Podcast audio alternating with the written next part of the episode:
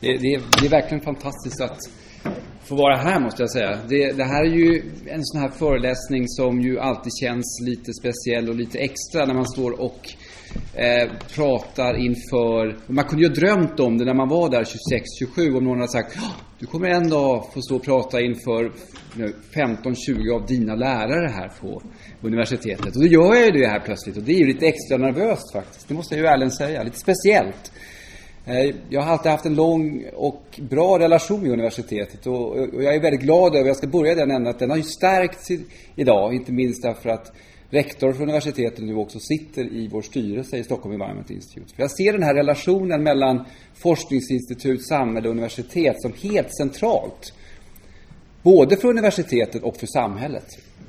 Men Anders, det handlar ju lite grann om dig idag också. Jag ska ju prata lite vatten, energi och annat. Jag kommer tillbaka till varför jag ändrat lite fokus på min presentation. Men det är ju sådär, om man tänker tillbaka, jag börjar också bli till åren. Jag, växt, jag blir näst, jag, alltså, min ålder går nästan lika fort som Leifs då. Så jag är snart 50 här. Eh, och börjar bli 60-talistproppen då. Som jag, alltså, ni som är 40-talister, ni kommer ihåg att jag var, tillhörde de här liksom frustrerade 60-talisterna som attackerade alla 40-talister på institutionen. Det var en liten rolig dragkamp på den tiden. Men om man tänker tillbaka så är det ju så att om man, om man har lyckats med saker här i livet och arbetsliv och sådana saker så beror det ju alltid på att man har på något sätt arbetat med andra människor. Det är ju det som alltid är grunden. Alltså själv kan man naturligtvis prestera vissa saker, men väldigt, väldigt lite egentligen. Men det är ganska fascinerande om jag tänker tillbaka på hur många människor som jag har fått arbeta med på den här institutionen och som jag också tyckte varit så otroligt roligt att få arbeta med. Men den viktigaste, och det säger jag idag, inte bara därför att det är din dag Anders, det är nog du trots allt. Och orsaken till det, det är för att när man, när man kommer ut och man, när man är ung, och jag kom ut i den här förra lågkonjunkturen, alltså 90, 91 skulle jag ut och arbeta och då fanns det inga jobb. Och då är det så att om det är någon person som ändå vågar tro på en, um, så är det väldigt viktigt. Och det gjorde du Anders. Du gav mig mitt första jobb. Så var det. Och det har ju liksom varit startpunkten för hela min karriär. Och det är ganska, det är ganska fascinerande att tänka tillbaka på en persons betydelse i, i, liksom ens, i ens liv. Då. Nu har jag fru och barn också, de är också viktiga. De kom senare, Anders. Anders var inte på något sätt sån att han kom fram och sa det, ja men du, vill du börja jobba här så, så kan du liksom få göra det. Utan det var faktiskt på ett helt annat sätt. Det var ett och ett halvt år innan jag skulle gå ut. Jag hade haft en kurs och uppenbarligen ändå presterat tillräckligt bra för att du tyckte att ja, men kanske ändå värt att satsa på. Du hade ett och ett halvt år kvar och då sa Anders, om du är klar om ett år, då får du jobb.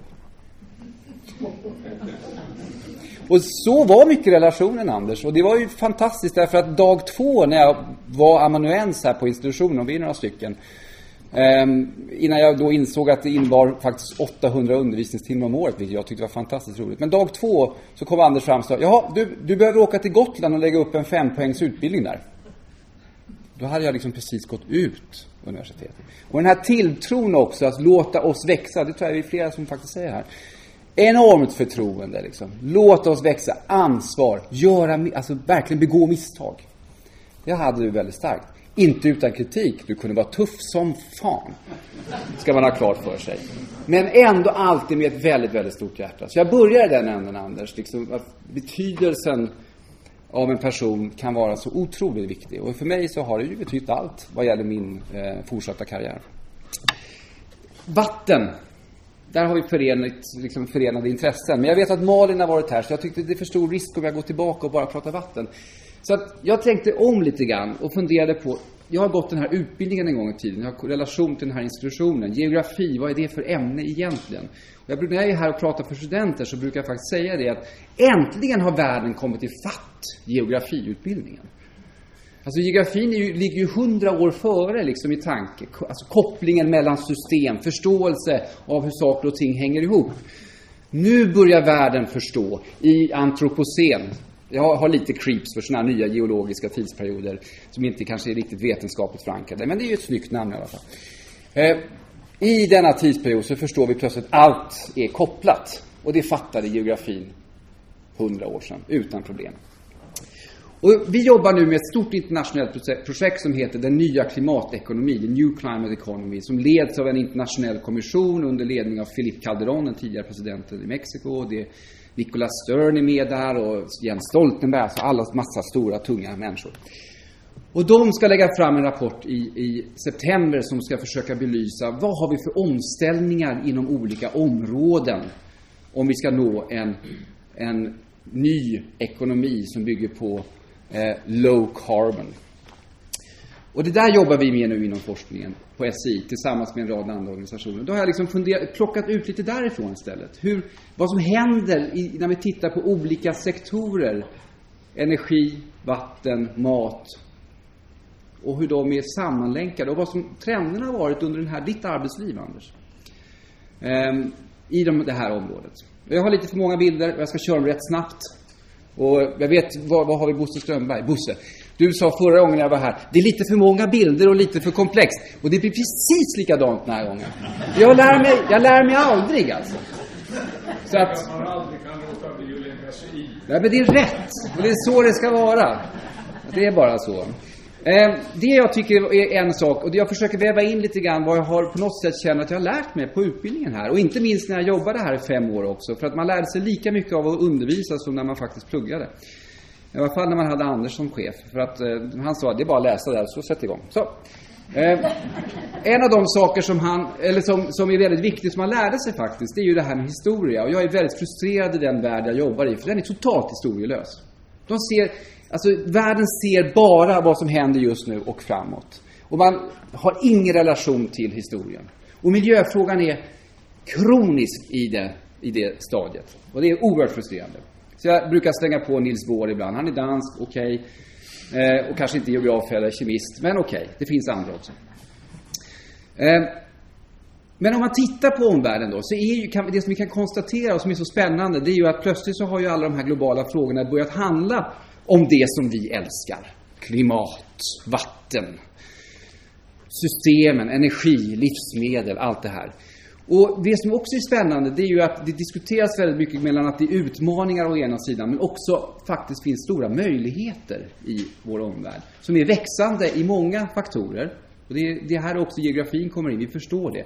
Den växer ju, befolkningen och så vidare. Och den krymper resursmässigt. Så vi, som geografer är vi ju väldigt flexibla vad gäller planeten jordens storlek. Det beror ju lite grann på vilket perspektiv man tar. Och vetenskap, och, den ger ju ibland perspektiv. Jag tycker det här är fantastiskt. För de här bilderna, Anders, de, de kunde vi ju inte ens kanske nästan drömma om när man läste fjärranalys en gång i tiden. Jag läste tyvärr väldigt lite fjärranalys. Um, men det var ett spännande ämne. Man fick ju liksom perspektiv. Såg världen uppifrån. Den här är ju bara tagen för eh, något drygt år sedan av NASAs eh, satellit Cassini. Och ni ser att det är alltså Saturnus och det är jorden där. Och det är alltså en helt unik bild. Och vi, jag vet att man hade bilder på jorden från månen och så sa man, nu kommer mänskligheten förstå hur små vi är. Och sen hände ingenting. Nu har vi bilder, nu kanske. Jag vet inte, vi får se. Historia som sagt är viktigt och att få perspektiv på saker. Och när det gäller naturresurser så har visserligen andra faktiskt sagt att det här med naturresurser kan vara en utmaning om vi ser framåt. Malthus var väldigt tidigt ute och pekade på att i världen, det vill säga Storbritannien, så kunde vi eventuellt förvänta oss en kris vad gällde livsmedelsförsörjning då, därför att befolkningen växte så snabbt. Och man kan ju spekulera i hur mycket av det som låg bakom engelsmännens eh, vilja att expandera något. Andra stater har ju haft faktiskt samma tanke, det här med ökat levnadsutrymme, tyvärr. Malthus tycker jag väldigt mycket om också, för att jag känner mig mer hemma med de här mera generalisterna. Jag har ju tyvärr lämnat forskningen för länge sedan. Så numera är man ju generalist. Han var ju både präst och forskare. På den tiden var man ju allting. Det, det, det tycker jag är attraktivt. Andersen, du började jobba, Leif han visade ju massa siffror på hur institutionen har vuxit. Eh, och eh, Institutionen har vuxit och världen har vuxit. Och frågan är vem som har vuxit procentuellt mest. Det är rätt fascinerande att se. Du hade ju lite grann samma tidsperspektiv, Leif. Mellan 1980 och 2010 så har den globala ekonomin fördubblats i världen. Jag måste sätta tillväxten på institutionen i relation till det. Eller hur? Eh,